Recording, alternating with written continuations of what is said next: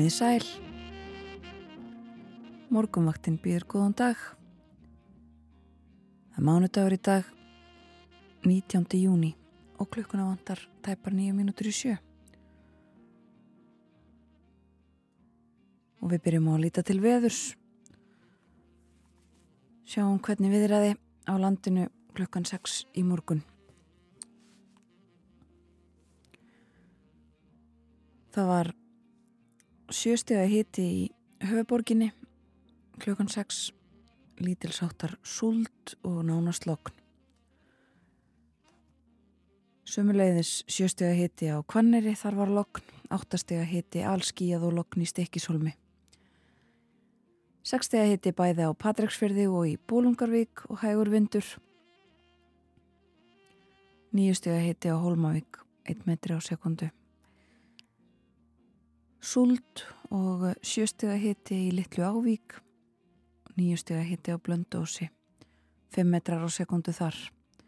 Líka nýjustega hitti á Akureyri allskíjað, 8 stega hitti bæði á Húsavík og Rauvarhöfn, hægur vindur, 1 og 3 metrar á sekundu. Það var 8 stega hitti á Grímstöðum, 9 stega hitti á Skjaltingstöðum og 11 stega hitti á Egilstöðum klukkan 6 í morgun. Hlýjast þar á landinu sínist mér 11 stuða hitti létt skíjað og söðvestan fjórir metrar á sekundu. Á 10 stuða hitti á hafni Hortnafyrði og líka á Kirkjubæjaklaustri klukkan 6 í morgun.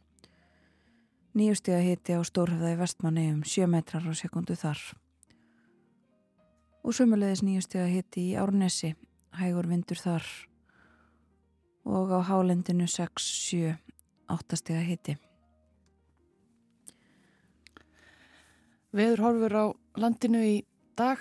Það er spáð norðlæri eða breytilegri átt, þremur til 8 metrum á sekundu í dag og dáli til rigningen þurft að kalla austanlands. Hiti 7 til 13 stig en að 19 stigum um landið norðaustanvert. Á morgun uh, er spáð norðlæri átt 5 til 13 og þá fer að rigna en úrkomu lítið verður á suðvestur og vesturlandi. Hitin á morgun fjögur til nýju stig en nýju til 16 stig sunnan heiða.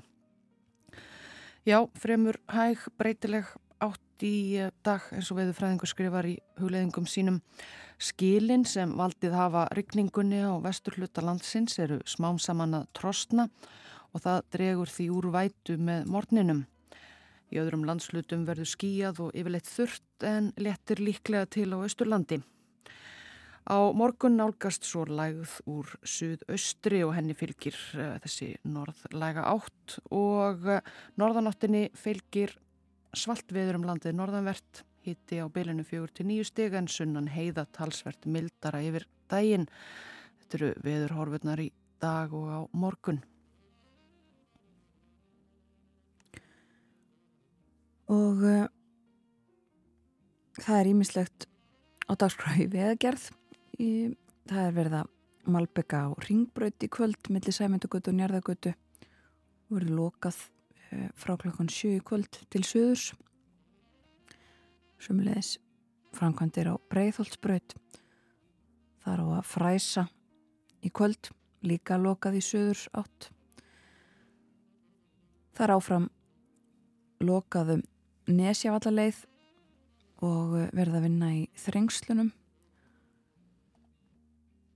Og eh, vinnusvæði líka á Lagsordalsheiði þar sem var að er við því að leiðin í gegn sé mjög gróf og leiðileg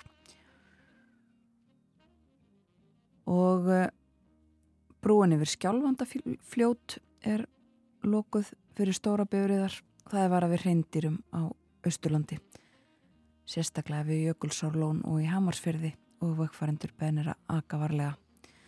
Líka verða að vinna í almannaskarðsgöngum og uh, svo er unnið að yfirlögnum og nokkrum köplum á Suðurlandi.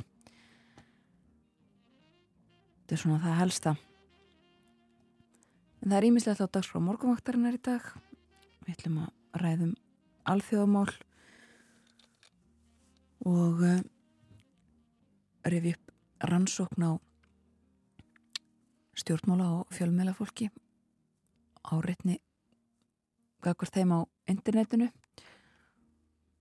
Og við ætlum líka að forveitnast um George Soros. En eh, byrjum á að hlusta á smá tónlist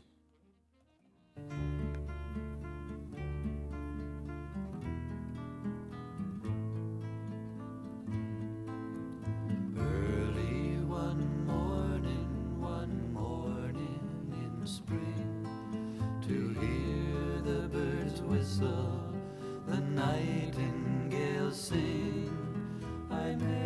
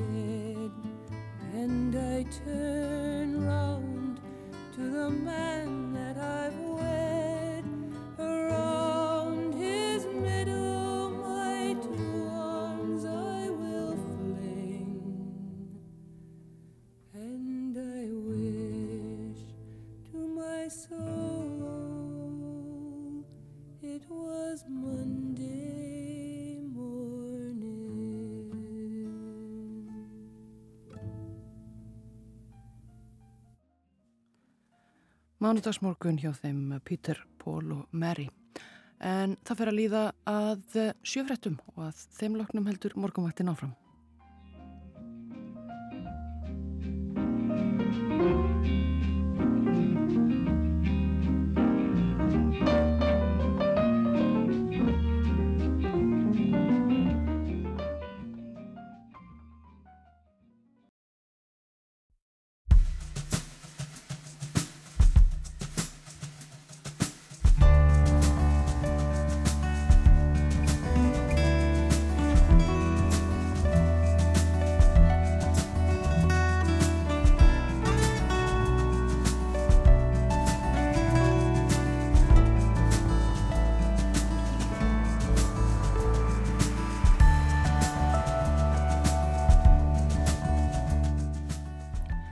Góðan dag, morgunvaktin heilsar á kvennitindadaginn, það er 19. júni í dag og um sjón með þættinum hafa vera Ílóðadóttir og Þórun Elisabeth Bóðadóttir. Við reyðum alþjóðamála á morgunvaktin í dag þegar að Hilmar Þór Hilmarsson, professor við Háskólan og Akureyri verður gestur okkar upp úr klokkan halv åtta. Samvinna Norðurlandana og Eistrasaltsríkjana verður til umfyllunar en líka staðamála í Úkrænu. Á föstu daginn hlaut Bríett Breðfjörð Einarstóttir velun fyrir meistarriðgerð sína á rannsókn á upplifin fjölmiðla og stjórnmálafólks af óvæginu umræðu og áreitni á netinu. Bríett kom til okkar í vetur og við rifjum upp rannsóknennar og niðurstöður. Tilkynnt var á dögunum að eh, fjárfestirinn og auðmaðurinn George Soros hafi eftirlátið stjórn á viðskipta veldi sínu síni sínum Alexander. George Soros er enda orðin 92 ára gamall og hann er umdeltur maður. Hann hefur verið sagaður um að bera ábyrð á flottamannaströmmunum til Evrópu og COVID-faraldrinum og ég haf vel sagt að hann vilji eða stjórni heiminum einfallega á bakvið tjöldin. En hver er maðurinn í raun? Við ætlum að fjalla um æfi George Soros og feril upp úr hálf nýju. Svo spilum við einhverja tónlist, skoðum blöðin fylgjum ykkur inn í daginn eins og munjulega hér á morgunvaktinni. Förum aðeins yfir veðrið aftur. Um, það er norðlega eða breytilega átt í kortunum í dag, 3-8 metrar á sekundu og dálitil rigning, en þurft að kalla austanlands og hitin 7-13 stig, en alltaf 19 stigum um landið norðaustanvert. Og uh, það er fremur hæg breytilega átt já. Uh, skilin sem valdið hafa rigningu á vesturhlutalandsins eru smám saman að trosna, segir í hjóleðingum viðurfræðings. Og það dregur því úr vætu með morninum. Í öðrum landslutum verður skíjað og yfirleitt þurft en það letir líklega til á Austurlandi. Og hitin þetta já á bylunu 7-13 en upp undir 20 á norðaustanverðilandinu. Á morgun nálgast lægð úr suðaustri og það verður því norðlega 8 5-13 metrar á sekundu og fer að regna allvíða. En verður þó úrkomu lítið á suðvestur og vesturlandi. Og norðanáttinni fylgir svalt veður um landi norðanvert. Hitin á morgun þar á bylunu fjögur til nýju stygg en sunnan heiða verður talsvert mildar yfir daginn.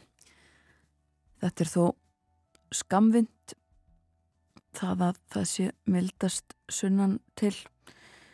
Það breytist á nýjanleik eh, eða verður aftur er að segja svona mildast og best austan til þegar líður á vikuna og eh, myllt í veðri svona næstu daga. Um, og einhver staðar svona misjand eftir, eftir tímum en, en það eitt að sjást til sólar svona víðast hvar á einhverjum tímapunkti í vikunni allavega eins og staðan er núna. Góða veðrið um, fer í smá pásu á uh, norður og austurlandi. En samkvæmt spánu eins og hún er núna þá verður það komið aftur á femtudag og á femtudag raunar gert ráð fyrir sól um alland en hlýjast áfram á austur og norðurlandi. Átjónstega heiti þar um næstu helgi eins og staðan er núna. En þetta getur auðvitað breyst. Svona lítur þetta út akkurat núna Það skein sól uh, á Akureyri um helgina eins og sjáum á á forsýðu morgunblasins Það fórsýðu myndin er úr listigarðinum á Akureyri. Garðagróðurinn sprettur í blíðviðrinu og blómin stinga upp kollinum, hljómar eh, fyrir sögnin. Og eh, í myndateksta segir gaman er að ganga um listigarðin á Akureyri og skoða gróðurinn því víðast hvar hefur merkingum verið komið fyrir með upplýsingum um hvaða plöntur er að ræða. Sem kunnut er þarf talsvert fyrir því að hafa að halda beðum blómlegum og snirtilegum, starfsmenn listigarðsins vita það vel og vinna verkið jamt og þétt. Mikið líf er í gardinum nú þegar nálgast sólstöður og gaman að dvelja þar á sólríkum degi, í leik, njóta blíðunar og jafnvel taka með sér nesti til að njóta í fallegri laut á myndinni. Má sjá starfsfólk eh, listigarsins eh, að störfum, greinilega gott veður og, og, og hlýtt. Þarna er einn starfsmæður í, í stuttur á ból og stuttu buksum við vinnu sína og eh, ákaflega grænt og, og blómlegt að sjá. Annars er eh, helst á fréttin á fórsíðu morgunbladasins þennan morgunin svo eh, sama við heyrðum í upphafi fréttatímans frá fréttastofu hér áðan. Guðrún Hafstinsdóttir, oddviti sjálfstæðismanna í Suður kjördæmi, tekur í dag við ennbætti dómsmálar á þeirra af Jóni Gunnarsinni. Ráð þeirra skiptin á ríkisráðsfundi á bestastöðum síðar í dag og eh, Guðrún segir við morgunblæðið að hún ætla að mæta til starfa með uppbrettar ermar og eh, finnist spennandi að taka, takast á við þessa áskorun. Hún er með sterkar réttlætiskent, segir hún, og þykir væntum land og þjóð. Ég ætla að gera allt sem ég get til að þjóna þjóðminni vel í þessu mikilvæga embætti, segir Guðrún Hástinsdóttir í viðtali við Morgumblæðið í dag. Hennar fimm helstu áherslumál í embætti verða útlendingamál, löggæsla, landhelgiskæslan, bætt réttarstaða þólenda kynferðisábeldis og fangelsismál. Hún hveður þó enga meiriháttar stefnubreitingum vera framundan í þessum efnum. Nú, eins og við myndumst á hér í upphafi, þá er 19. júni í dag, það er kvennrettinda dagurinn, hátíðis og baráttu dagur kvenna á Íslandi og því fagnað að 19. júni 1915 fengu konur á Íslandi 40 ára og eldri kostningarétt og kjörgengi til alþingis. Þegar þáverandi danakonungur Kristján X samþykti nýja stjórnarskrá fyrir Ísland og eh, þessu er auðvitað, minnst í dag og haldið upp á í dag með eflust með ymsum hætti uh, meðal annars eins og uh, fjallaður um í morgumblæðinu í dag að auki kemur út Ársriðt Kvennettindafélagsins kemur, í, kemur út í 70. annað sinn og eh, líkaminn er þemablaðsinn sem að ber titilinn 19. júni.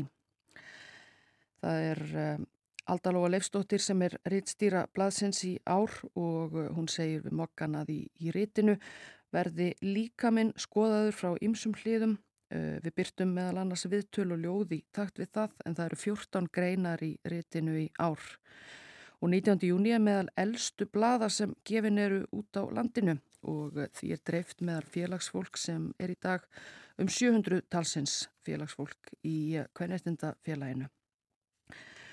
Og það, verða, það verður sumulegis eh, skálað í tilefni eh, dagsins í eh, brugsmiðju Leiti Brúri í Reykjavík klukkan 17 í dag fyrir kvennettindadeginum og, og útkomu þessa rits. Þetta helsta úr morgumblæðinu. Það verður þetta alls konar frettir líka uh, um helgina, uh, kannski nefnum úr íþróttafrettunum. Íslenskan uh, segur, má ekki segja svo, í meistaradelt Evrópu í handbólta kalla. Þar voru tveir Íslandingar um, í eldlínunni. Og uh, þegar að Magdeburg vann mestardildina þetta verður þeir gísli Þorgir Kristjánsson og Ómar Ingi Magnússon. Gísli mittist í undanúslutunum á lögadag en uh, náði undraverðum bata eins og sagt er frétt hér á uh, forsiðu Rúf skoraði sex mörg og var maður leiksins í úslitónum og uh, þetta var æsi spennandi. Ómar Ingi líka búin að vera meittur þurfa báður átt við meðsli að stríða í vetur. En uh, gísli með þarna í úslitónum eftir að hafa farið úr lið í undanúslitaðarleiknum laugleik með sex mörg úr sjö skotum. Og uh, þeir fagna þessu, þetta var fyrsti meistaradildatitill Magdeburg í 21 ár. En fyrir 21 ári voru líka tveir Íslandingar í liðinu Ólafur Stefánsson og Sigfús Sigursson og þá var það Alfred Gíslason sem að uh, var þjálfari. Magdeburg lend lendi í öðru sæti í Þísku rólsteildinni í handbólta í vetur og tapaði líka í úrslitaleg byggarsins svo þetta var sérlega um, sætur sigur segir.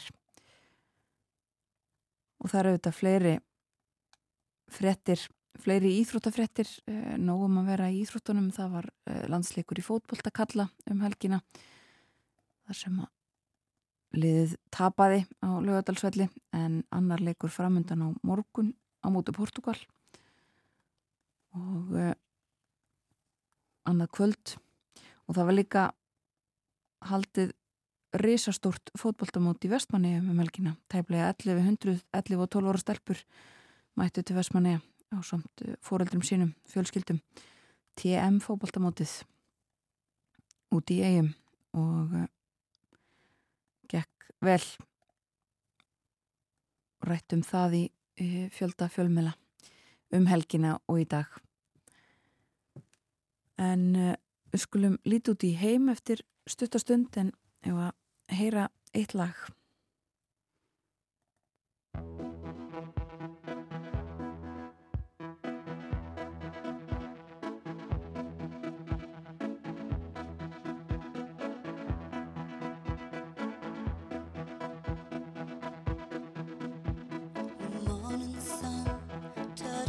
The eyes of Lucy Jordan in a white suburban bedroom in a white suburban town.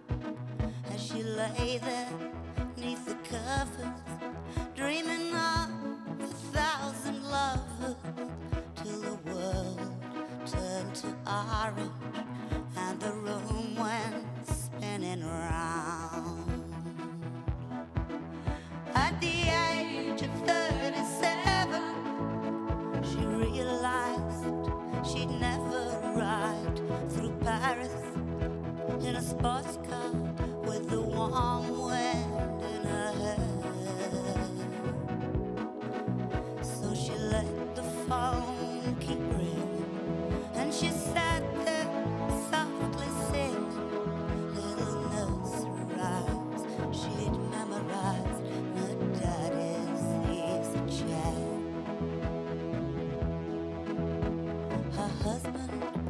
off work, and the kids were off to school. And there were oh so many ways for her to spend a day.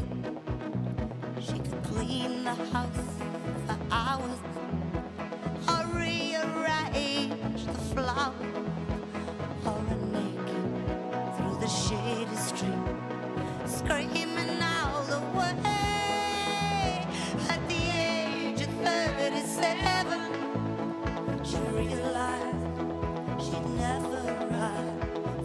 Paris in a sports car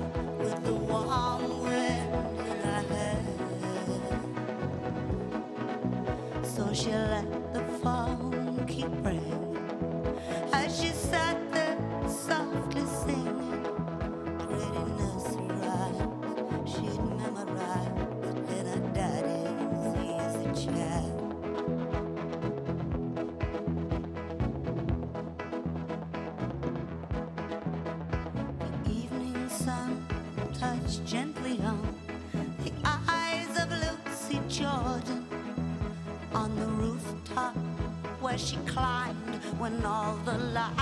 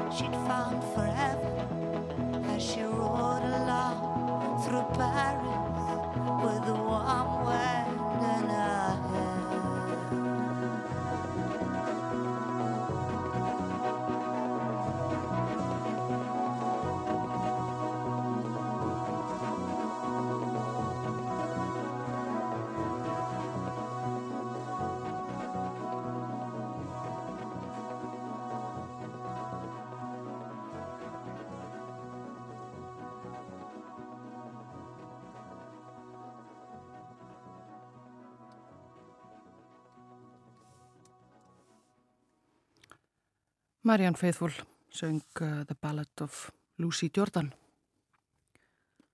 Og við skoðum fréttir af innlendum vettvangi áður en að við leikum þetta lag og uh, nú lítum við aðeins út í heim það er fjallaðum rannsókn á fórsíðun á politíkan í Danmörku í dag um, um dráp um morð á uh, já, já, maka morð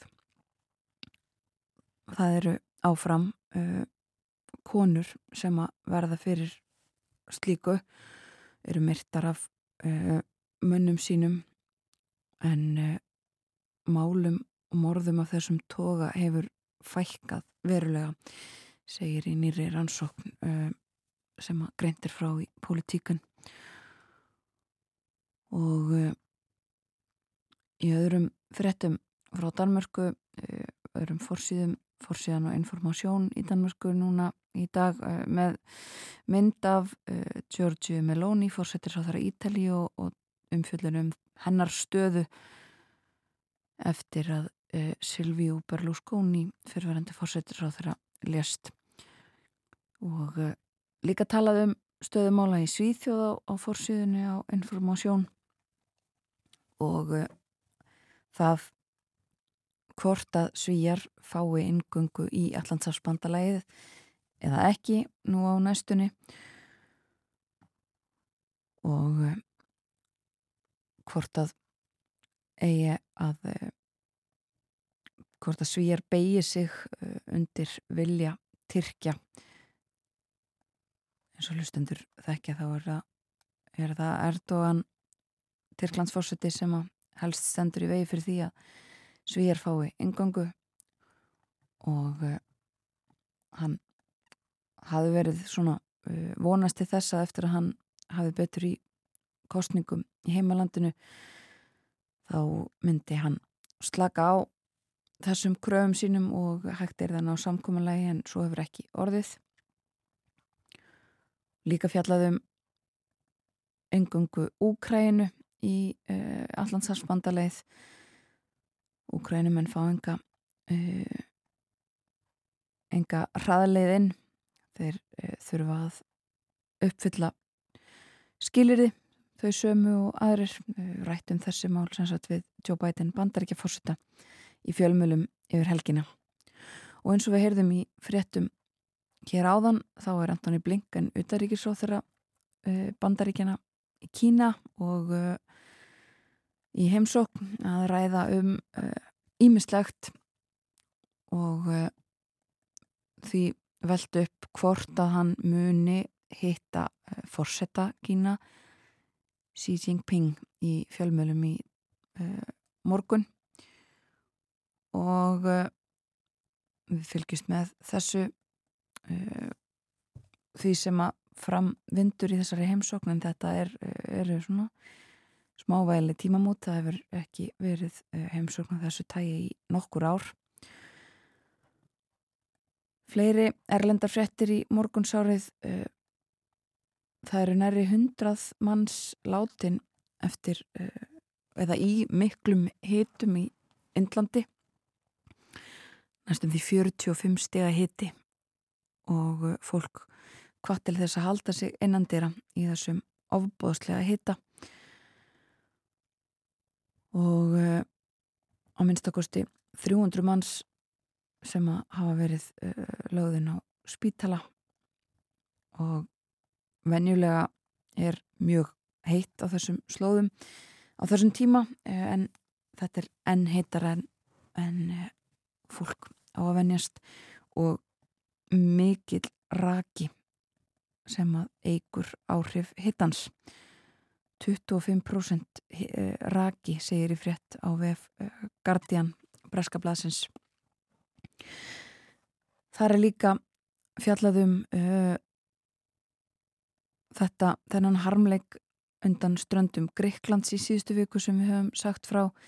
Bæði fjallaðum það í, í Guardian og líka hjá Breska ríkisútorpinu BBC þar sem að búið er að skoða gögn sem að uh, til eru um staðsetningu þessa skips sem að uh, varp upp evasöndum um það að það sem að gríska landhelgiskeslan hefur haldið fram um, uh, um þetta skip og þennan skip skada það sé eigi ekki við raukasteyðast þar sem að, að landhelgiskeslan heldur fram og hefur haldið fram.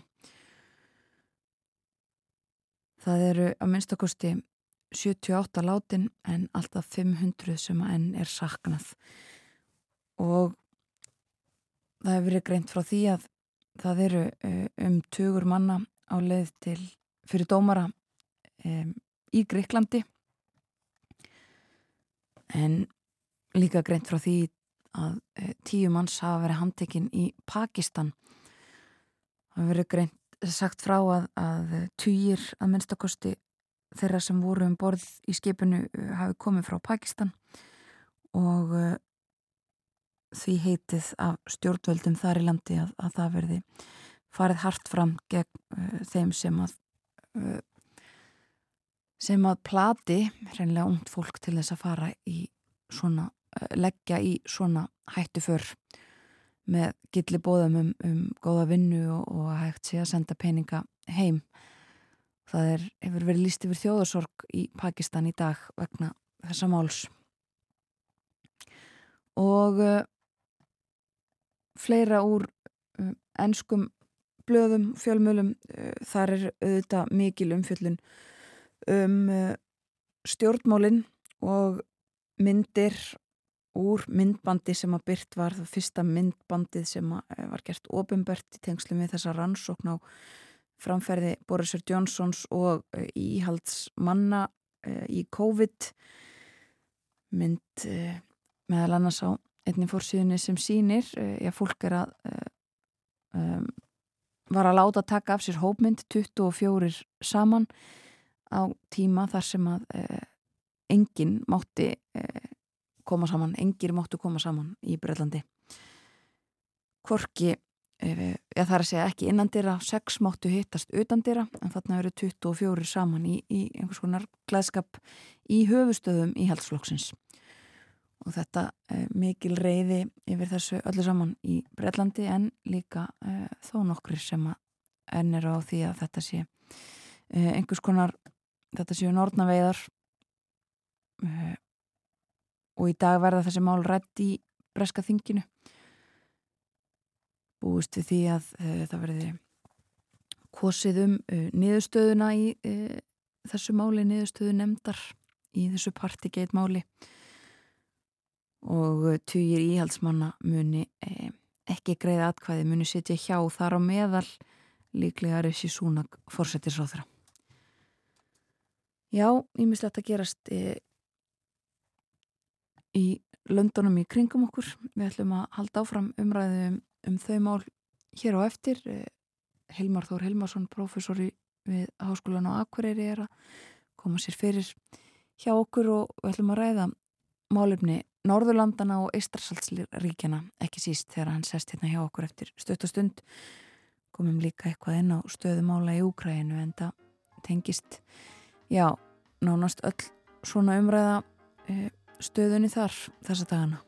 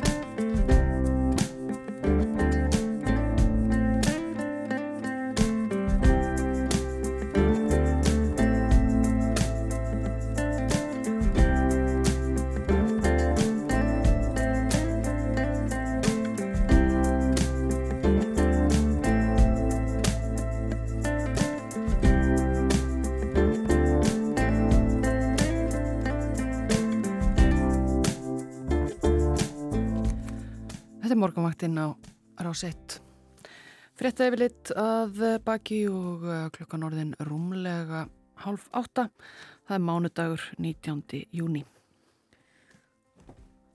Já, 19. júni, hvern réttindadagurinn og uh, nýju vinnu veka framöndan rétt að hefjast. Við minnum á að við ætlum að fjallum ímislegt hér á eftir, við fjallum meðal annars um uh, rannsókn á upplifun fjölmjöla og stjórnmálafólks af óvæginu umræðu og áreitni á netinu. Og svo er það George Soros þessi umdildi auðmaður sem að hefur uh, látið af störfum og, og aðfend uh, viðskipta veldið síni sínum. Meinum það og eftir. En uh, við vorum að fara yfir hér áðan ymsar erlendar frettir það eru þetta alltaf alltaf uh, nóg um frettir frá Úkrænu og uh, margt sem gerist þar á hverjum einasta degi. Við ætlum að tala aðeins um Úkrænu hér og eftir. Um, til okkar er komin Helmar Þór Helmarsson, professor við Háskólan á Akureyri.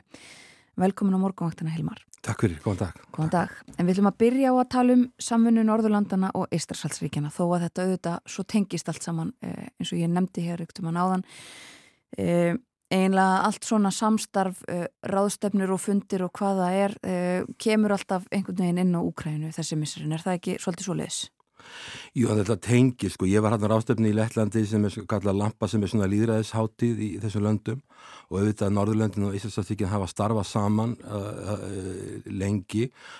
Sjálfur, eh, þessi rástefni var haldin að við um Norrænar aðhverjaðins ég var sjálfur starfsmar Alþjóðabankars á sínum tíma. Mm -hmm. og Norðurlöndin og Íslandsaftíkin þau hafa sameila skristu og sameila fasta fulltrúa hjá Alþjóðabankanum og Alþjóðagjaldrisjónum þetta er dæmið um það sem löndin hafa formfest sína samvinnu.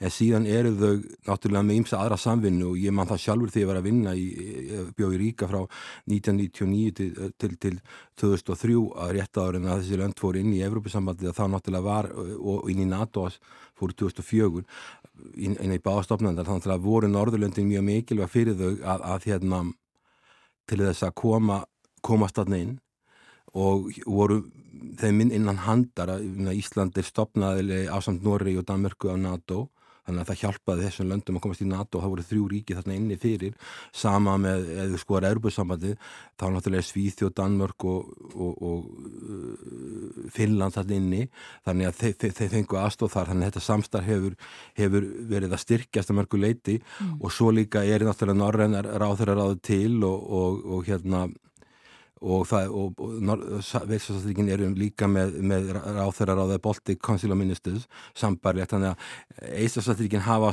hafa uh, verið að uh, tekið í Norrlöndinu fyrirmynd að nema ef við tökum efnaðasmál og velferðamál þá eru þau með tölvöld mikið aðra stefnu.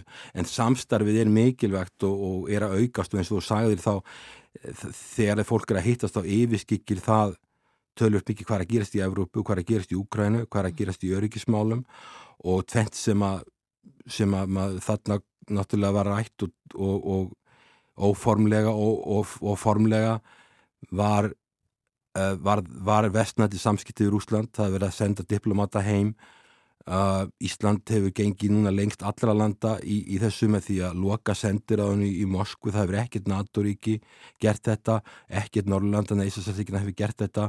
Íslandsallíkina er ekki með sendi herra vísu en þau eru með sendir á, þau vilja halda einhverjum lá, lámarks samskiptaleiðum og svo um, varðandi Norrlandi þau eru með sendi herra en það er að minka Ísland lokar sendir á henni sem við ekkur náttúrulega törfur umræða hversu skýrsalegt það var. Og svo hitt að stríðið í Úkræn, það er þessi gagsókn eða counter-offensive, verðist ekki ganga neitt allt og vel, það, verist, það er eitthvað sókn en hún er, ekki, er ekki svo, svo er Anders Fogh Rasmussen sem var uh, frangstjóri NATO frá, frá 2009 til 2014 búin að segja það að ef að það verði ekki árangur að leita ofan til NATO 11. júli á þessu ári í Vilnius Litáin, þá komi komið til greina að pólverjar og Eistasáttíkin sendi hermenn inn í Ukrænu og það er náttúrulega mjög hættulegt því þetta eru NATO-ríki og, og þá eru við að fara að koma í einu skrefin í nær heimstyrjöld sem mann finnst náttúrulega uggvænlegt að hugsa til. Já, mm, sko það er þessi fundur einmitt natúríkjana uh, stittist í hann uh, og það hefur, það er auðvitað, sko, Ukræna hefur auðvitað líka sótt um aðild að Allantarsbandalæginu en, en uh, svona margir meðal annars bara Joe Biden, ég var að lesa það hérna bara áðan uh, Joe Biden bandarækjafósiti sem segir þeim verður ekki gert auðvelta að ganga inn í Allantarsbandalægi þeir þurfa uppfylla, uppfylla sömu kröfur. Og er það ekki líka svona hluti af þessu að Allandsafsbandalæðið er nú svona svo litið á, á bremsunni þó að auðvitað hafi verið aukið verulega í svona þar sem að uppháflega var sagt að er þið gert til að hjálpa Ókrænu.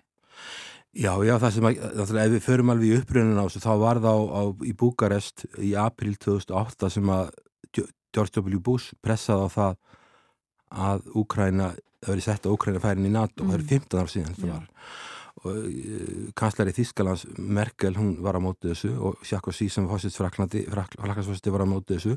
En þetta var samt gert. Síðan hefur náttúrulega pressan verið að aukast frá Úkrænu að fara að inn en hún er ekki komið að inn.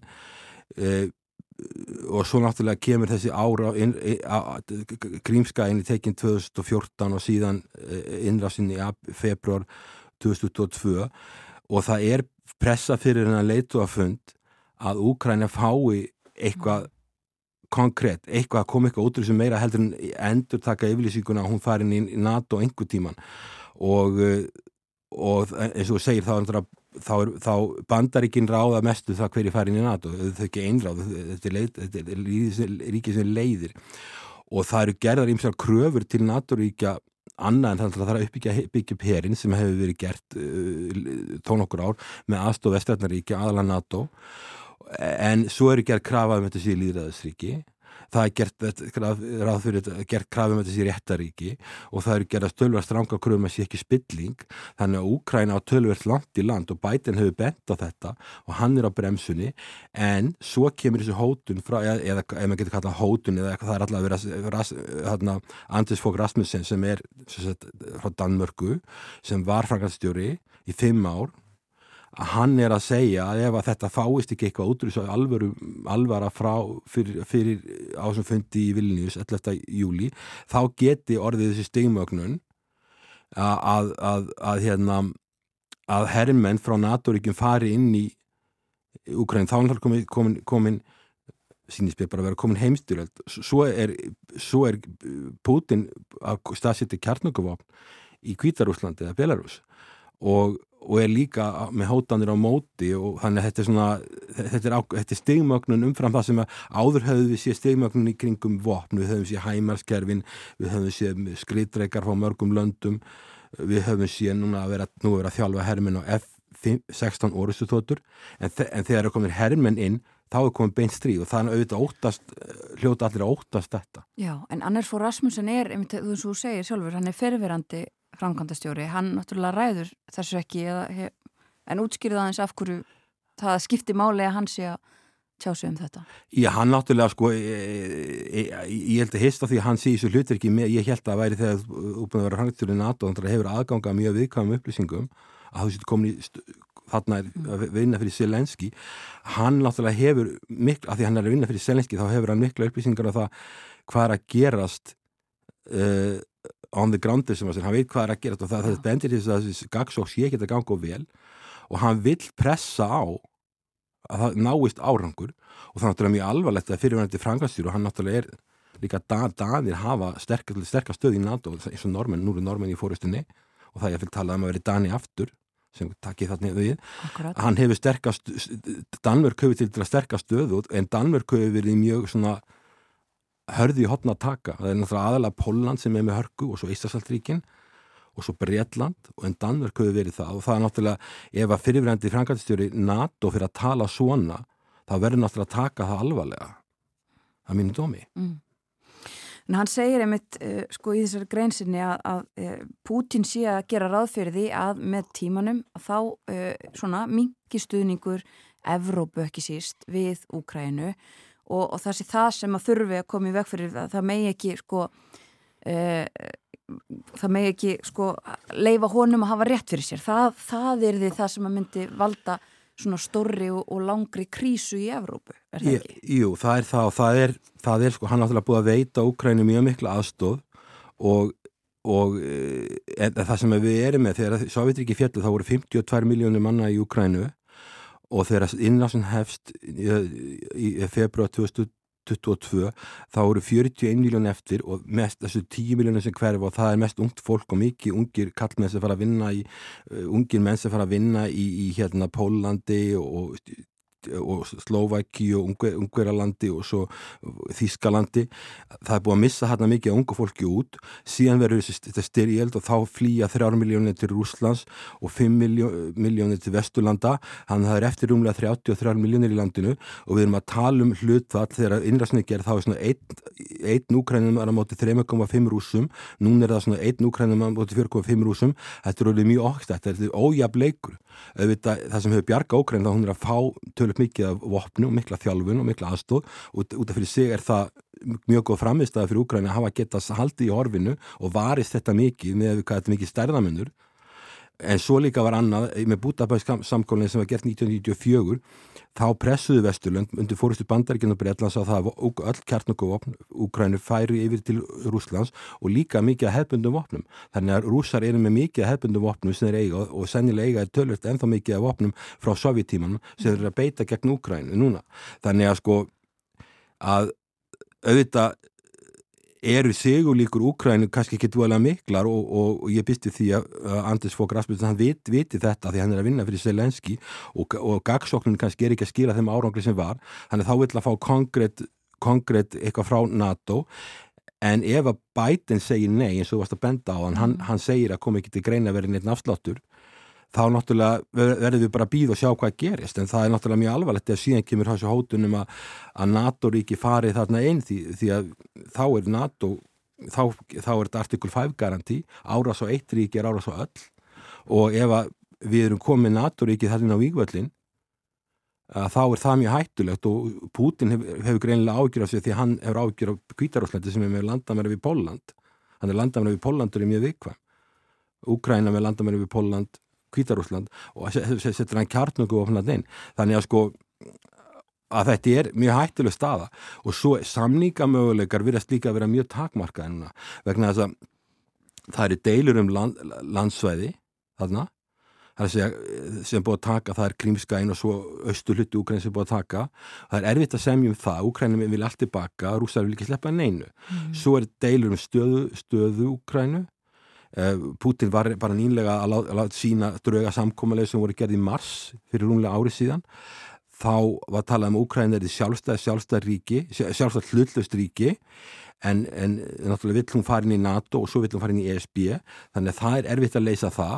Svo kemur tjón Alþjóðbankin, Erubusambandi og hérna saminni þjóðar hafa metið það tjóni fyrsta árið, bara fyrsta árið 60.000 millar íslenska króna og það er orðið mikið tjón síðan. Þetta er mjög erfitt að leysa þetta. Þannig að ég skil alveg áhyggjurnar sko ef að Ókrænum gagsókn er ekki að virka og hvað ætla Vesturlund þá að gera? Að skaffa þeim meiri vopn?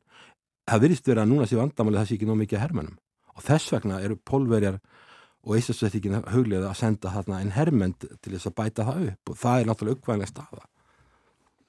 Manni finnst einmitt flestir uh, tala um það og það er kannski ekki systemitt núna ef við höfum verið að ræða um, um, um stöðuna og, og þess að lókun sendir ás Íslands koma því eftir smástund. En, en svona þetta einmitt að það sé einhver bara svona pattstaða og útliti núna eins og þú ert að fara yfir. Það er þröng staða hvað var þar einhver, einhvers konar samkomilag að það verði þá bara uh, svona uh, áframhaldandi átök uh, og einhvers konar pattstaða bara jafnvel einhver áfram í tíma Já, það, það, það, það ein, eitt möguleiki var að þeirri þess að við kallaðum frozen conflict. Já. Ég hef sjálfur komið til, verið á landamörnum Suður og Norður Kóru, það sem er hérna demilitarized zone, það sem er saminnið þjóðnir á bandaríkin og svo er hér frá Norður og Suður Kóru einni, það er eitthvað svæði sem er svona afmarkað það sem er, það sem er ekki land, það sem er bara við landum er í begjaríkjana það sem er verið svona frozen conflict og það er hægt að berjast tæknileg stríð en þá í gangi en það er náttúrulega eitt möguleg geta endið þannig, auðvitað það óastættanlegt fyrir Úkræni það er ein leiðin að löndin er að gefast upp, bara uppgefin á þessu vopna byrðir að minka og er mikið mannfall gríðilegt tjón að það verði eitthvað svona frozen konflikt á, á landamærunum og, og, og stríðið smátt og smátt degi út, það er, það er eitt möguleiki en, en það er alltaf líka möguleiki því það, það er ekkit buffer sér þarna á milli, það er ekkit, ekkit ríki þarna á milli eins og Úkræni eins og rússar töluðum að hafa Úkræni, hún væri á milli Evrópus samans og Rúsland og það veri hlutlust sjálfstætt ríki sem sumir voru að hugsa um. En uh, auðvitað er hægt af því að það blossi upp styrjöld alltaf aftur en allavega það er einnig möguleikið svo bendur þetta stríði bara degi út og, og það verði eins og segir pattstafa og, og, og friður kannski einhver ár en það er spurningin hversu, að, það, það er kannski ekki varanlegt en þetta er ennþá hættusvæði. Akkurat, já, og alltaf eins og segir hættusvæði. Já. Eh, Skulum aðeins koma aftur inn á það sem við nefndum í upphafi, eh, það sem var, eh, hefur verið tölvert rætt um lókun íslenska sendiráðsins og þú fóstur sem aðeins yfir þetta. Við erum eina ríki sem að grípur til þessa uh, ráðs að reynilega loka sendiráðinu. Önnu ríki svona, ekki með sendiherra með læg, lægra setta diplomata þó að stjórna eða, eða jafnvel með bara sendiráðin.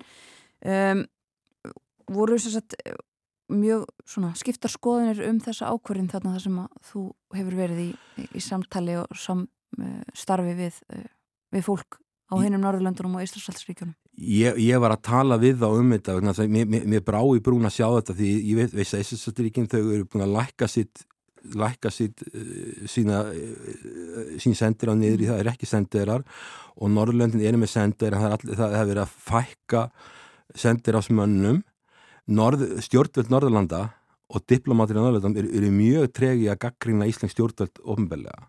Þú, þú, þú vilja helst ekki, alls ekki láta hafa eftir sér neitt. Nei. En þetta náttúrulega held ég að veki svolítið svona, það hefur svolítið óvænt upp að koma að þetta svolítið hafa gerst og, en, en því að ég segi það er ekki hörð gaggrinningar Íslands er, er ekki. Ísland hefur okkurna sérstöðu, við erum bara með tvo diplomataðna og ef við myndum til dæmis, ef við segjum að rúsum að senda sendi herran heim eins og við búum að gera við erum ekki að slíta sjóðnarsamandi við erum að senda sendi herran heim eða hann að fara heim og minka, minka sendir að því í Reykjavík. Á móti kemur að þá náttúrulega getur rúsa sagt þá, þá, þá, þá farið þið, þið miklu diplomata heim einn eða tvo, en þá sendir okkur alveg þessu óstarfæft. Þá er ákveðið að loka sendiráðinu.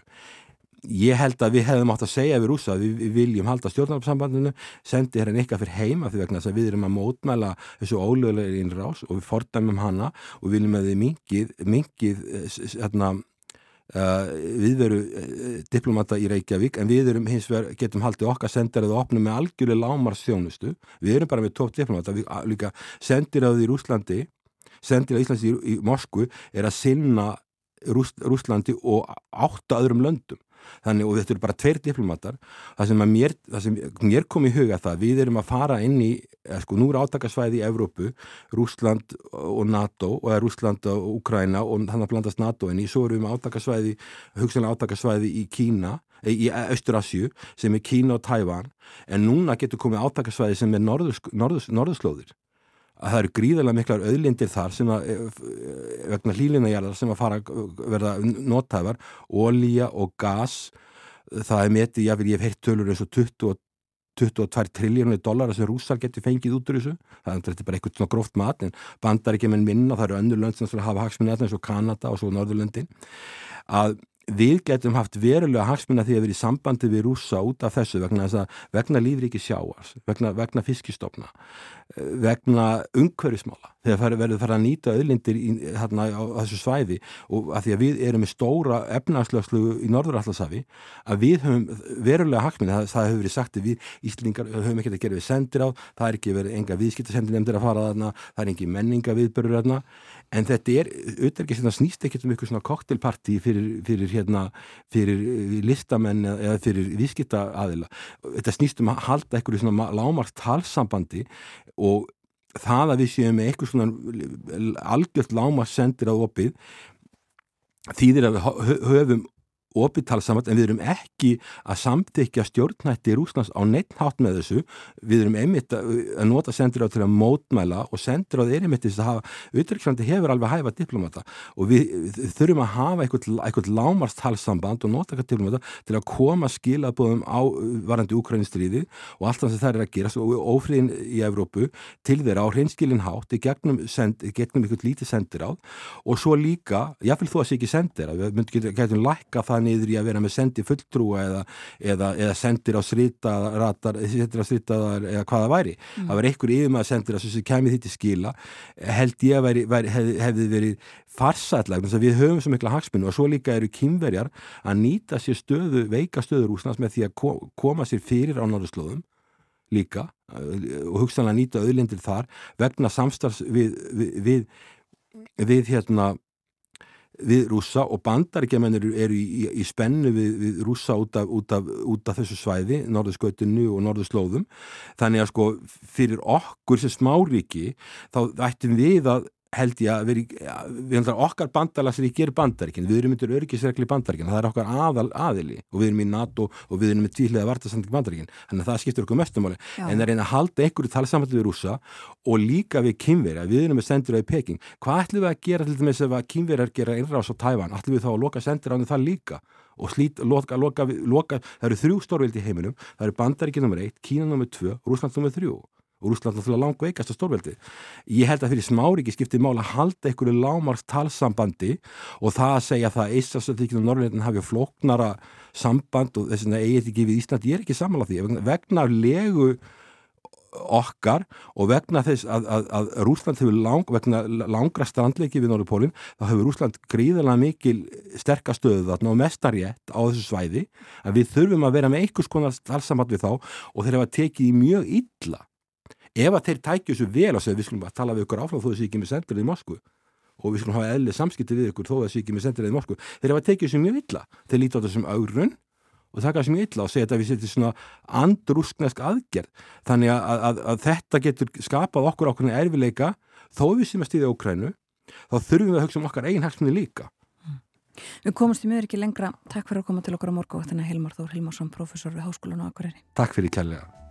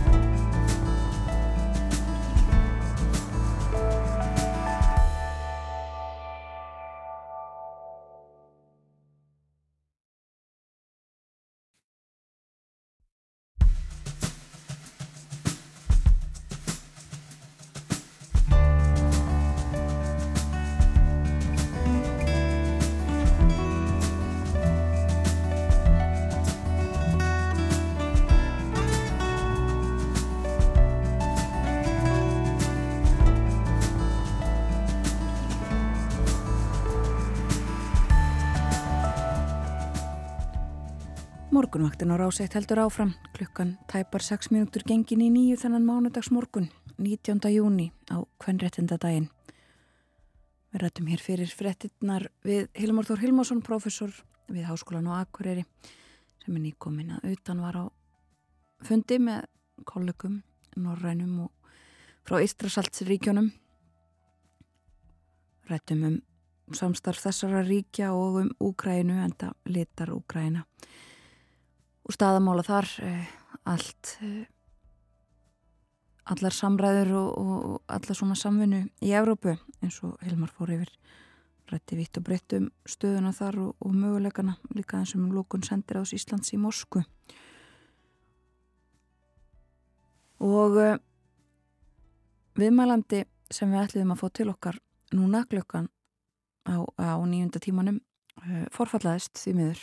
Það getur alltaf komið fyrir greipum því til þess ráðs að leita í sapnið okkar og við ætlum að hlusta á viðtal sem við áttum hér á morgunvaktin í janúar síðastlinum við Bríeti Breðfjörð Einarstóttur stjórnmála og fjölmjölafræðing. Þetta er um rannsókn sem hún gerði á upplifin fjölmjöla og stjórnmálafólks af óvæginu umræðu og áreitni á netinu. Og það er ekki alveg upp úr þurru sem við veljum þetta efni. Bríett fekk nafnilega á förstudaginn síðastliðin eh, verðlun fyrir þessa rannsókn fyrir loka rítgerð sína í meistaranámi í stjórnmálafræði. Skulum heyra í Bríetti frá því í janúar. Til okkar á morgunvaktina er komin Bríett Breðfjörð Einarstóttir. Hún er stjórnmála og fjölmjölafræðingur og hefur rannsakað eh, óvagna umræðu og net eh, áreitni sem að stjórnmálamenn og fjölmjölamenn verða fyrir hér á landi. Velkomin á morgunvaktina. Takk fyrir. Við viljum að tala um þessa rannsókn sem að þú gerðir svona aðalega en mér langar samt að byrja á að því að ég var að nefna þessa hluti um, það talaði um óvægna umræðu það talaði um um hatursorðræðu Mm -hmm. og svo netáreitni þessum hugtökum er kannski svona gröta svolítið saman en þetta er ekki alveg sami hluturinn Nei, nei, nei. Og þetta er, hérna, þetta er mjög opið hugtak og það er erfitt að skilgrina og hérna e, fólk kannski skilgrina bara hver út frá sjálfum sér mm -hmm. svona hvað fer yfir mörkin hjá fólki En er þetta vaksandi vandamál þessi óvægna umræða? alveg heiklust sko um, bara netið er ennþá svona frekar nýtt fyrir okkur og við erum einhvern veginn bara ekki búin að alveg læra hvar um, mörkin liggja á viðegandi hegðun við erum einhvern veginn sem samfélag ekki alveg búin að bara ákveða það Mm. Og hérna uh, fólk leifir sér miklu meira á netinu heldur en í raunheimum. Og það er bara um, til fullta rannsóknum sem að uh, sína fram á það. Um, fólk uh, hefur minni hömlur og það leifir sér bara grófari og ílgjarnari orðræði og það eru bara margir þættir sem spila þar inn í. Um, það hefur verið talað um skort á auksambandi nafnleysið það eru það eru oft bara engar afleðingar eða mjög litlar af svona hegðun og hérna svo bara eiga mjög margir það hreinlega til að líta á neti sem eitthvað bara óaþreifanlegan vettvang þar sem að bara allt leifist og engar samfélagslega reglur eru einhvern veginn í gildi sko. Já, einmitt. Þannig að, já. Sko, segð okkur frá rannsókninni sem að þú gerðir. Já. Uh, sko, hvað lagður upp með að gera? Uh, ég um, gerði rannsókn sem að uh, heitir Drópin Hólasteinin. Hún var hluti af, eða sérst hún var meistarverkefni mitt við fjölmjöla og bóðskiptafræði Hásklan og hérna ég syns tók viðtöl við uh, íslenska stjórnmála og fjölmjölamenn og uh, já, mér langaði bara að heyra svona þeirra upplifin, þeirra, frá þeirru uh, persónulegur einslu og viðþorf til svona net áreitni sem að er um, svolítið erfitt hugtak en það er verið að vísa í svona online harassment og hérna uh, þetta er í fyrsta skipti sem að svona rannsókn hefur verið framkvæmt hérna og uh, hún svona kafar uh, dýbra ofan í áhrifin af svona áreitni. Já. Af hverju að tala við bæði stjórnmála og fjölmjöla menn saman? Eða sérst í, í sömur rannsókn? Sko, það er, þetta eru einstaklingar sem að eru hérna ofnbæra personur og þeir eru ábyrjandi í þjóflæðinu og uh, fólk þekkir það, fólk hefur skoðanir á þeim, fólk gaggrinir það veist, og þau eru, veist, þessi hópur er, uh, þau eru sérstaklega útsett fyrir áreitnunetinu og bara í erlendum rannsóknum þá er þessi tveir hópar oft teknir saman. Uh, þeir eru báðir sagt þjóna ákveðinu svona líðræslega hlutverki að miðla upplýsingum um stjórnmál til almennings og svo er bara gerð mjög rík krafa á báða þessa hópa að vera mjög virkir á samfélagsmiðlum. Já, einmitt. Þannig að það er svona lág bara beinast við einhvern veginn. Já, og þannig að þú nálgæðist eh, bæði stjórnmálamennu og, og fjölmjöla fólk, eh, tókst við þau viðtöl og, Já. og um, sko, kannski svolítið viðspurning, en svona hver eru megin niðurstöðunar? Já, herru, Hvernig þær upplifir fólk þetta? sko, uh, það sem að mér finnst uh, áhugaverðast í þessum viðtölum, það var um, það var svona þessi normalisering sem að var gegnum gangandi í viðtölunum sérst gagvart netáröfni og hérna sérst viðmældur voru uh, þeir reyndu uh, að gera mjög lítið úr þeirri áreitni sem þeir höfðu lendi uh, dró úr áhrifum hennar uh, töldan að hreinlega vera bara eðlan fylgifisk þess að vera ofnbær persóna að sinna sínu starfi. Og hérna uh, allir sem að hefðu unni við þetta hefðu upplifið þetta, þetta verið nú ekkert uh, tiltökum mál og hérna töldu sína stjættir bara hreinlega þurfa að geta tekið svona áreitni. Um, það voru tvö orð sem að komu fyrir í öllum tilfellum og það var uh, Brynja og Harður Skrápur, það væri bara nöðsynlegt að hafa það. Og hérna þau þurfti að vera bara með mun þykkari skráp heldur en vennilt fólk til að, að geta þetta og um, það, þú veist, verið ekkert að væla yfir þessu og bara svona harkað af sér mm -hmm. og hérna og það væri bara oft eðlert að fólk leti reyði sína bitna á þeim, Já. þú veist, þau væri kannski stjórnmælumenn væru uh, andlit valds og þetta væri bara svolítið svona fyldi því. Já. En, og svo var svona þessi harða orðað, hún var alveg sérstaklega ábyrðið hjá stjórnmálufólkinu og þá var hérna um, sömur töldu að jáfnvel sína sko veikleika merki og gefa högstað á sér sem stjórnmálumanni að uh, viðurkenna að þetta hefði áhrif á þau og þá sérstaklega kvennkens viðmælundunir mm -hmm. og hérna svo var bara fólk notaði í mis orð til að draga úr þessu, þú veist að tala um að hafa lendi í skítastormum og svona tók þetta svolítið létt sko Já.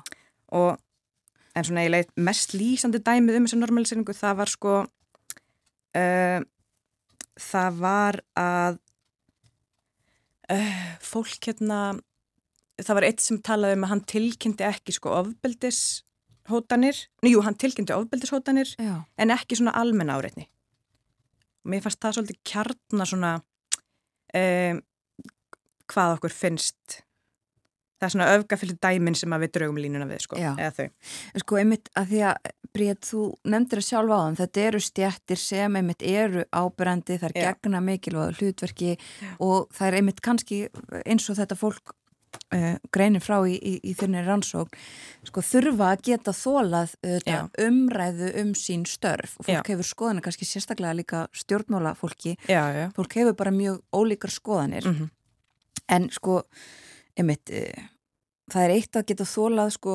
óvægna umræðu um Já. störf sín og svo annað einmitt að þóla áreitni Já. og hótanir Og ég minna að það er alveg, ég er alveg sammálaði, þau þurfa, þú veist, þau þurfa svolítið að bara hafa þekkan skráp, Já, en það er, það er munur á sko faglegri gaggrinni og svo bara persónulegri gaggrinni.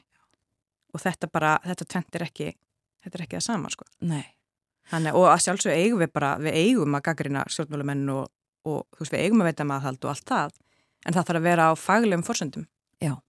Og það er ekki, þá erum við ekki að fara að hóta börnunum þeirra uh, líkamsmeðingum, þú veist, það er ekki, Nei. En hafið fólk bara almennt lendi í einhverju slíku, einhverjum Já. hótunum um ofbeldi? Já.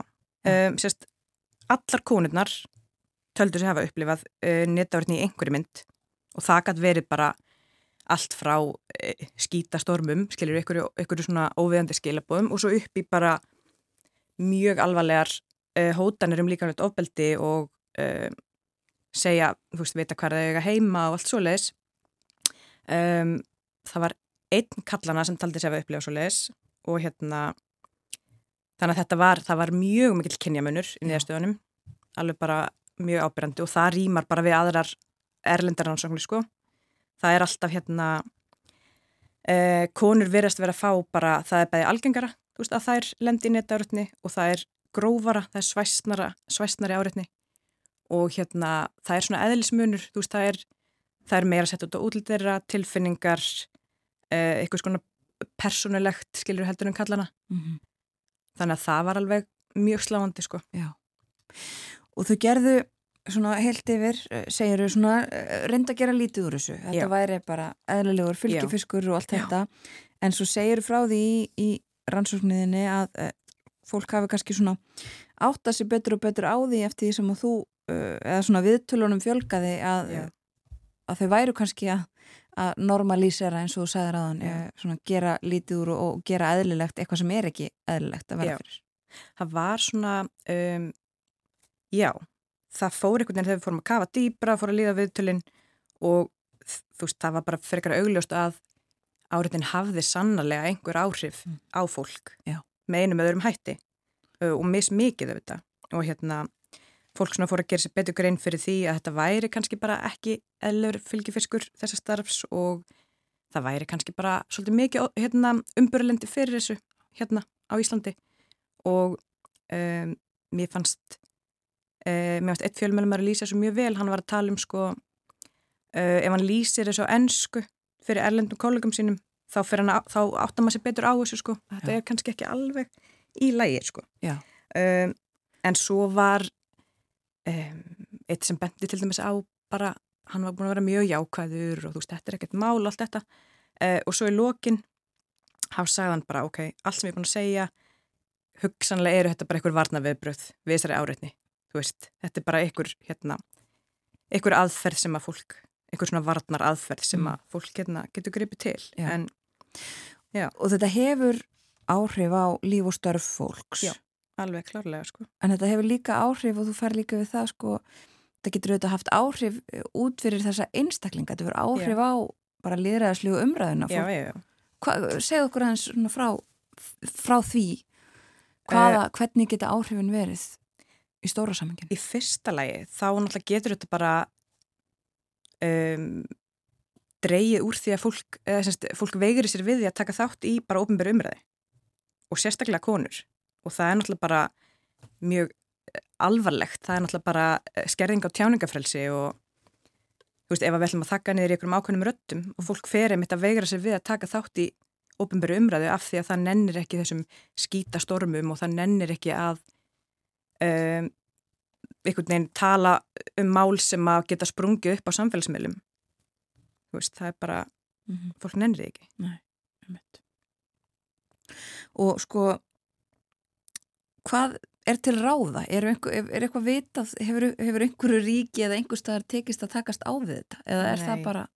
Þetta er bara, uh, þetta er vandamál allstaðar mm. og þetta er bara einhvern veginn svona vaksandi vandamál og þetta er, um, eins og segja, þetta er bara svo, þetta er ennþá bara, netið er ennþá bara frekar nýr heimur fyrir okkur. Og hérna, þú veist, það er ekkert, við erum ekki búin að ákvæða mörkin og hvað er í lægi og hvað er ekki í lægi og þannig að nei, en það er verið að rannsaka þetta alveg uh, í auknum mæli. Já.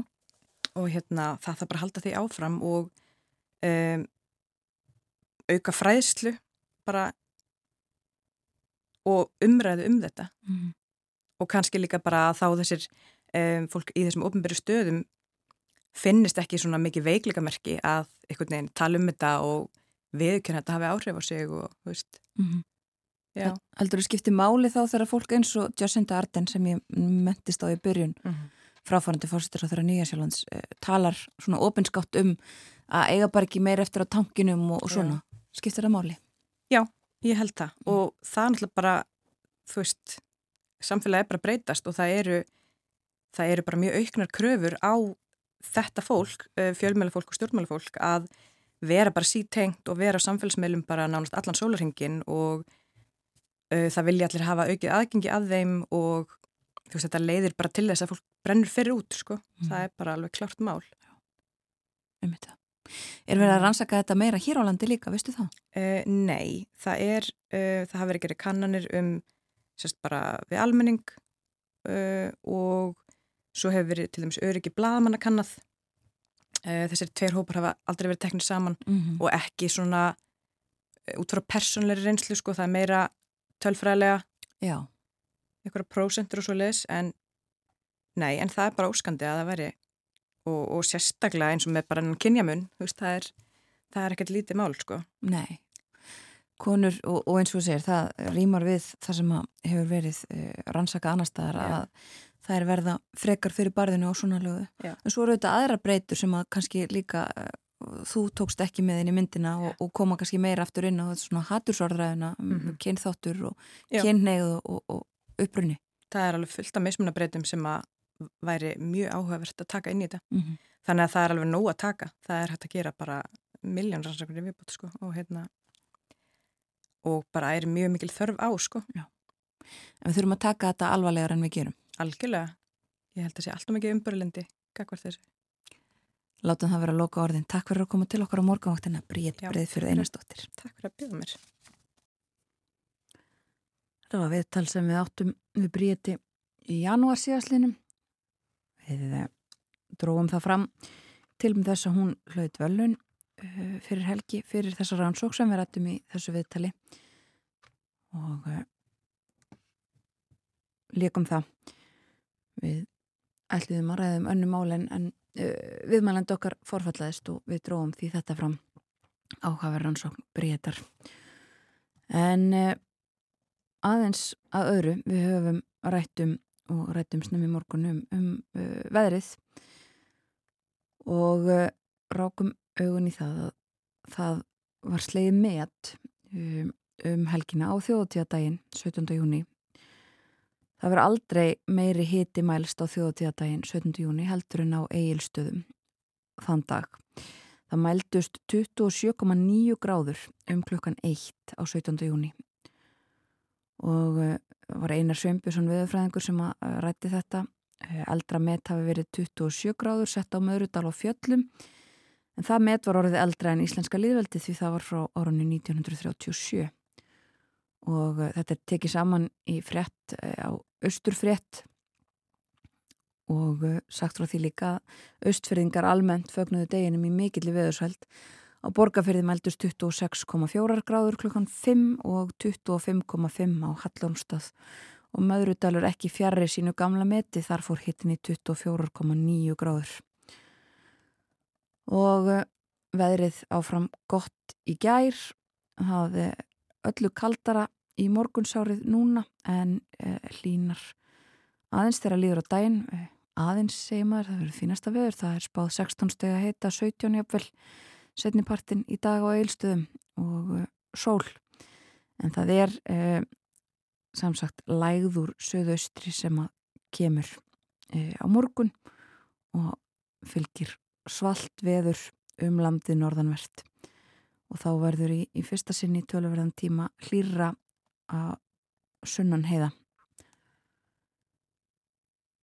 Við fyrum að hleypa fréttastofunni að það líður að yfirliti morgun frétta klukkan hálf nýju en uh, það nefna eitt í viðbót og það er það að það var greint frá því um helgina að um næstu helgi þá verður haldinn sumarfundur forsættisráð þeirra Norðurlandana og hann verður haldinn í vestmanni 25. og 7. júni og eitt af þemum fundarins er viðnámsþróttur samfélaga og því var fundarstaðurinn valin af því tilefni uh, vestmannegar heima í.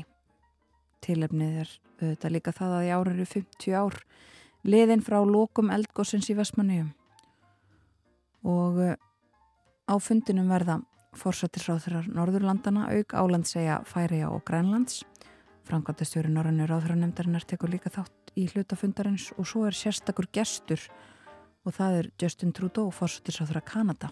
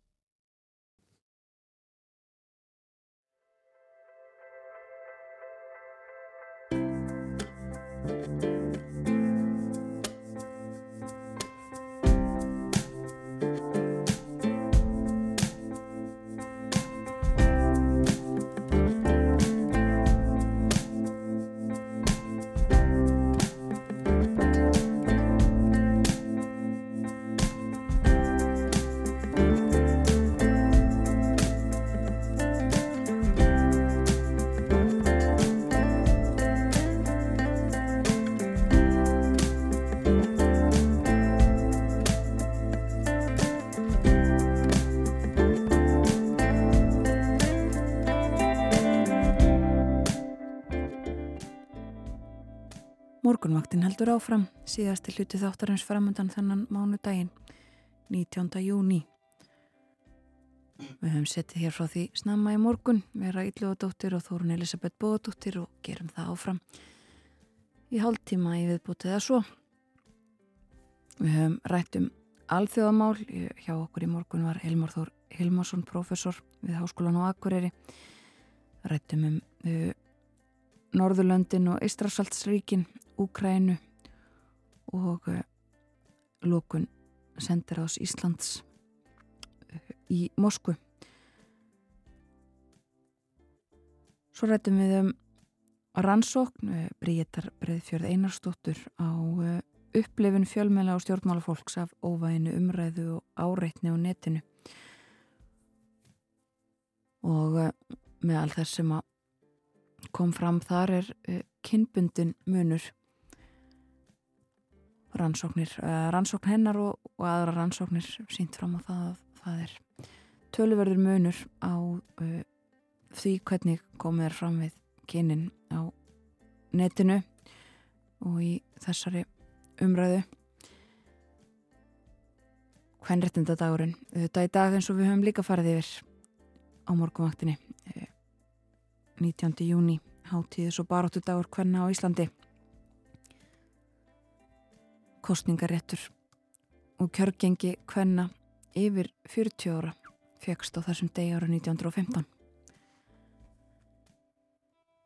en við ætlum aftur út í heim síðustu mínúturnar af morgunvaktinni í dag. Já, það bárist fréttir af því eh, fyrr í mánuðunum að miljardamæringurinn, auðmaðurinn og fjárfestirinn George Soros ætlaði að eh, stíga til hliðar og eh, hefði valið svonsinn Alexander til að taka við viðskipta veldi sínu sem er ekkert smáraði, Soros eh, metin, auðafi hans metin á 25 miljardar dala. Fyrir sem hann hefur aflað sér með ímiskonar eh, eh, fjárfestingum rekið vogunarsjóð lengi.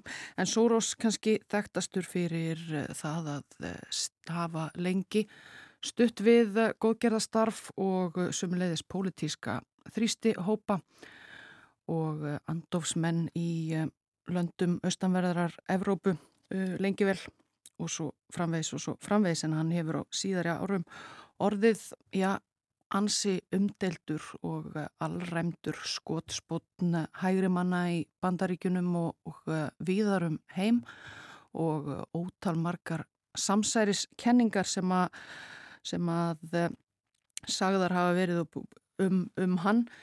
Hans í einhvers konar, já, stjórnandi skugganum eins og stundum er sagt. Stjórni stjórnmálamönnum eins og uh, leikbrúðum og hafi borið ábyrð á COVID-faraldrinum og uh, flottamannaströmmnum til Evrópu og ég veit ekki hvað og hvað sem hefur, sem hann hefur ekki verið bendlaður við auðvitað mest að ósegju. En þetta veikur aðtikli að hann hyggist stíga til hliðar. Eh, það var í viðtali við Wall Street Journal sem að Soros greindi frá þessu og eh, þar sagði eh, í umfjöllum blaðsins að þetta komi í mörgum í opna skjöldu. Fólk hafi búist við því að Soros hegðist stjórna viðskipta veldi sínu til dauðadags en kannski ekki, ekki að undra að hann vilji fara að setjast í Helgan Stein því að, því að hann er orðin 9-10 tvekkja ára gammal. Skulum renna aðeins yfir æfi George Soros. Hann uh, fættist í Budapest 1930 og hétt uh, ekki George Soros þá heldur uh, Georgi Svarts, foreldrar hans gýðingar, ágætlega stæðir gýðingar í Budapest. Fadir hans var lögfræðingur en það var fadirinn Tívatar Svarts sem fann upp á því að fjölskyldan tæki upp nafnið Soros til þess að já, losna við þetta mjög svo geðinglega eftirnafn Svarts og uh, hann fann það upp sjálfur uh, rakið rekunafnið í Esperanto en hann var mikill esperantisti uh, tífadarfadir George Sorosar. En fjölskyldan, hún eh, var heppin á stríðsárunum. Ungverjalandu þetta eh, bandamaður Þískalands í setni heimsturjöld og fjölmarkir ungverskir geðingar sem að sendir voru í útrymmingabúðir nazista á eh, stríðsárunum. En Soros fjölskyldunni allri tókst að sleppa. Það var fadurinn Tífadar sem að sá snemma í hvað stemdi og útvegaði öllum í fjölskyldunni fölsuð skilriki í nafni Kristina Ungverja. Og fjölskyldan fór svo á flakk uh, í hinnar og þessar áttir í uh, felur og uh, meðal annars George Soros sem að, sem að, sem að tókst að fela sig undir fölsku nafni. En 17 ára gamall þá flutti hann eh, einn síns liðs til eh, Lunduna í vonum að sækja sér uh, þar nám. Hann uh, tók hann nú svona nokkur ára að komast inn í uh, ennst samfélag en hann hlaut að endingu yngöngu í London School of Economics þar sem hann nam heimsbyggi og var fyrir miklum áhrifum af eh, einum kennara sínum, heimsbyggingurinn Karl Popper sem skrifaði um hið eh, opna samfélag gegn allræðishyggju og eh, mælti fyrir frjálslindu líðræðisskipulagi og Popper hafði svo mikil áhrif á Soros ungan að þegar hann síðan stopnaði góðgerðar samtök sín þá nefndi hann þau til heiðurs Popper Open Society Foundation en Popper skrifaði um hið opna samfélag eða Open Society. Reyndar var Popper síðar spurður hvort hann uh, myndi eftir þessum nefnda sínum sem hafði orðið svo heitlaðar af hugmyndum hans og þá svona rétt svo kannski rámaðan eitthvað í að hafa kent George Soros en, en þó var hann ekki viss. En að loknu heimsbyggináminu þá heldi George Soros er út í uh, fjármálinn, hann hafði huga á því að stunda doktorsnám í heimsbyggi uh, en hafði ekki almennilega efni á því strax. Þannig að hann uh, fór að vinna í banka, fyrst í bankin sem hann starfaði hjá var gamal breskur fjárfestingabanki, Singer og Frídlander sem að Íslandingar kynntust síðan þegar Kaupþing kifti, kifti hann og dróð síðan með sér niður í, í, í hruninu. En uh, hann starfaði fyrir Singer og Frídlandir í, í uh, nokkur ár við fjárfestingar. Hafði ekkert uh, rosalega mikið upp úr krafsinu þar og var að endingu rekin úr bankanum fyrir slæma mætingu í vinnu. En Soros flutti þá til bandaríkjana og fór að vinna fyrir hérna ímsu banka á, á Wall Street. Og þar farnaðist honum eh, strax betur og eh, fór að sanka að sér auði á eh, næstu árum. Og 1969 þá stopnaði hann sinn fyrsta vogunarsjóð sem að hétt upphálega Double Eagle og síðar Quantum Fund. Og þetta var á, á tímum sem að vogunarsjóðir voru, voru kannski ekki sérlega þekktir.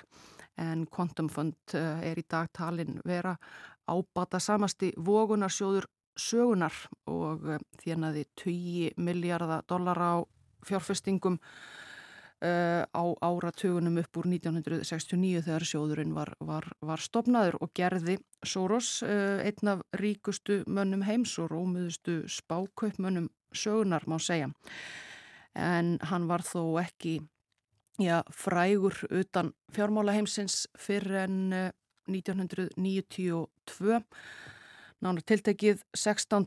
september uh, sem kallaður hefur verið svarti miðvíkudagurinn í breskri fjármálasögum. Þá uh, stóð Soros uh, fyrir því og með sjóð sínum að um, veðja gegn breska sterlingspundinu með þeim afleiðingum að það rapaði svo verulega brettar nittust til að draga sig úr gengis samstarfi Evrópuríkja og breska þjóðarbúið tapaði óheyrilegum fjárhæðum en Soros og menn hans auguðust verulega og Soros steg fram og, og játaði það að hafa borið ábyrð á þessum, þessum uh, gjörningi. Var í kjálfarið nefndur í bresku pressunni uh, maðurinn sem feldi pundið eða maðurinn sem rændi breska selabankan.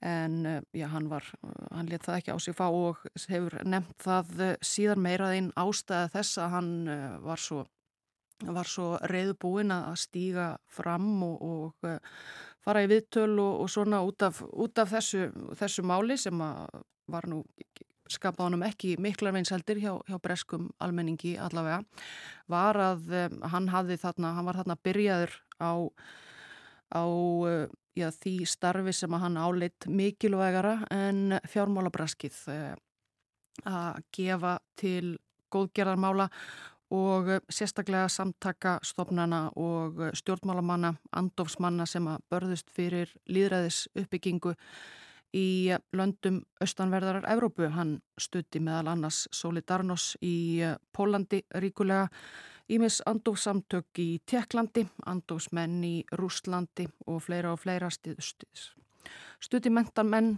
til náms, blada útgáfu og, og margt fleira og þetta hafði hann byrjað á eh, svona í eh, án þess að vekja því mikla, mikla aðtikli en vildi þarna 1992 stíga fram til, a, til þess að til þess að já, vekja aðtikli á sínu starfi og um, kannski sömulegðis uh, gorta sig aðeins af því.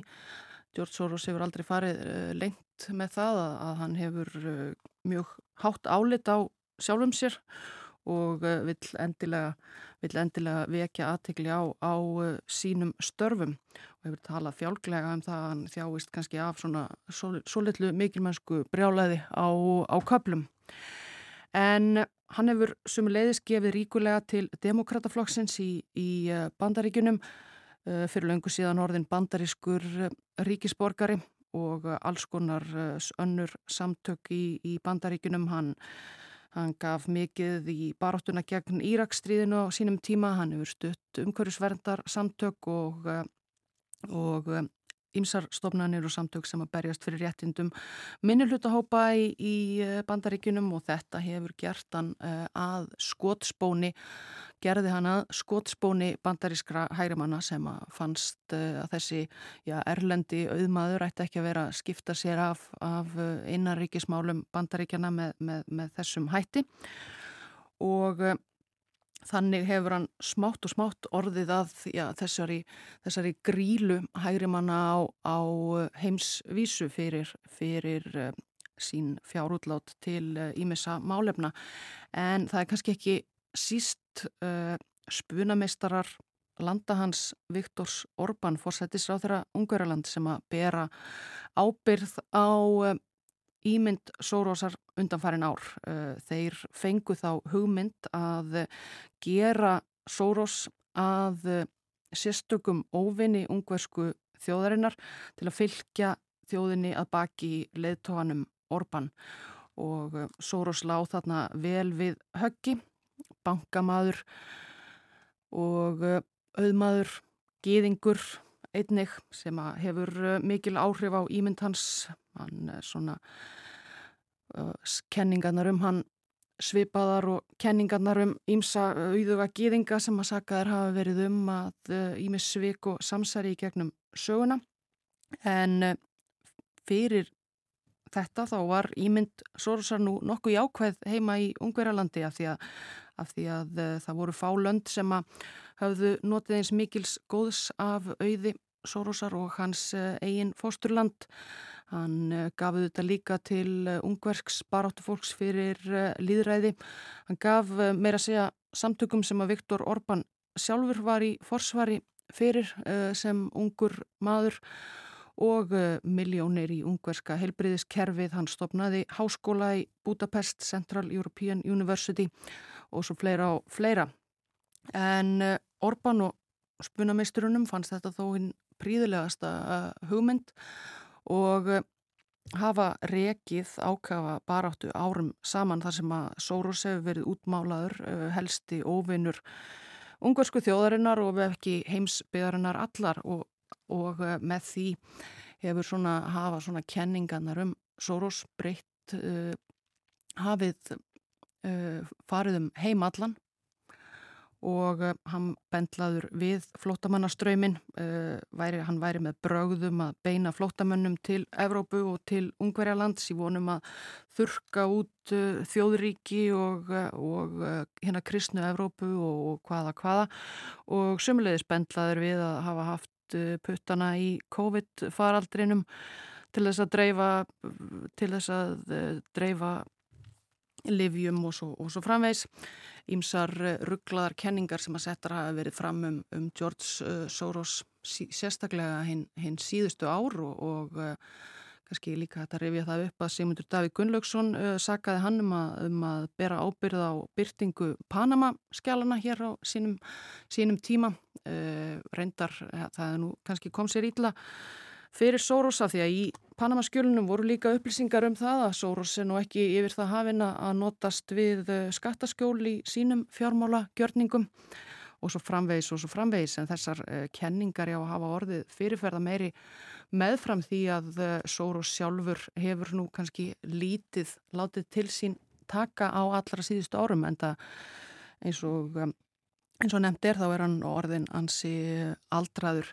En Núna er það sem sé sonur hans Alexander, uh, 37 ára gammal sem að ætlar að taka við keflinu og, og stjórna Open Society Foundation uh, sjóðum Sorosar sem að já, eru metin á 20 miljardam og hann hefur líst yfir að hann ætli að halda áfram starfi föður síns í svipaða, svipaðar áttir, hann sé ef eitthvað pólitískari en fadir hans og ætlar að halda ótröður áfram með eh, starfið og kannski ekki langt í að eh, Alexander Soros 37 ára gammal og doktor í sagfræði eh, fari að byrtast í þessum kenningum sem við höfum annars hyrt af, af gamla manninum.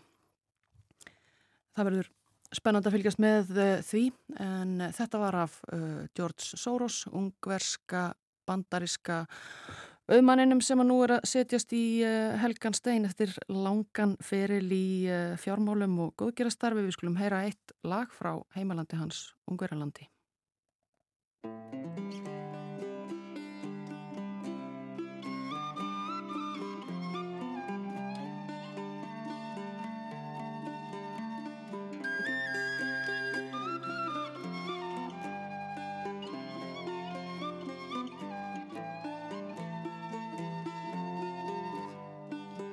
la pluie.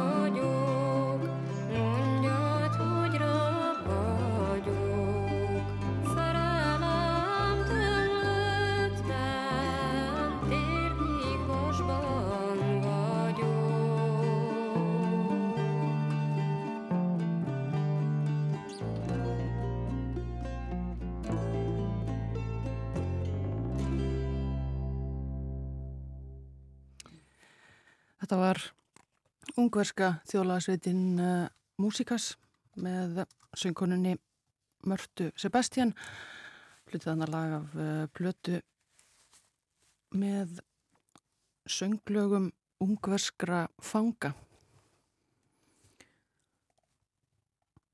Og við fjalliðum um George Soros áður en að þetta lag var leikið. Um, komið við að við á morgunvaktin í dag og uh, meðal annars rættum hann, já og uh, svo líka töluðum við um um uh, alþjóðamál snemma í morgun með Hilmari Þór Hilmarsinni, profesor töluðum um stöðuna í Úkrænu meðal annars og sitt hvað fleira. Töluðum líka um uh, rannsók sem gerð var á, á uh, fjölmela og stjórnmálaflokki fólki á Íslandi. Við þorfum og uh, já, áreitni og uh, því hvernig hvernig uh, þau upplifa slíkt á netinu. Og svo um, já, George Soros nú síðast þessu fer að ljúka hjá okkur í dag. Við uh, höfum setið hér frá því snemma í morgun vera Ílóðadóttir og Þórun Elisabeth Bóadóttir. Og gerum það þetta aftur á morgun. Morgunvaktin uh, á dagskrá alla virka daga í allt sumar alveg eins og í allan vetur. Morgunvaktin hefst alltaf klukkan 10.00 í sjö á virkum dögum. Þá ætlum við að ræða um þýskmálefni meðal annars ekkert spjallum efnahá og samfélag aftur á móti og glöggir hlustundur tóku kannski eftir því að það var heldur engin Björn Malmqvist hjá okkur í morgun okkar förstu pislahundar uh, þurfa að fá frí stundum eins og aðrir en uh, Artúr Björgun verði með okkur í fyrramálið og ímislegt fleira á dagsfráni þá líka Við þakkum fyrir samfélgina þennan mánudaginn, hvenréttinda daginn 19. júni. Verðið sæl.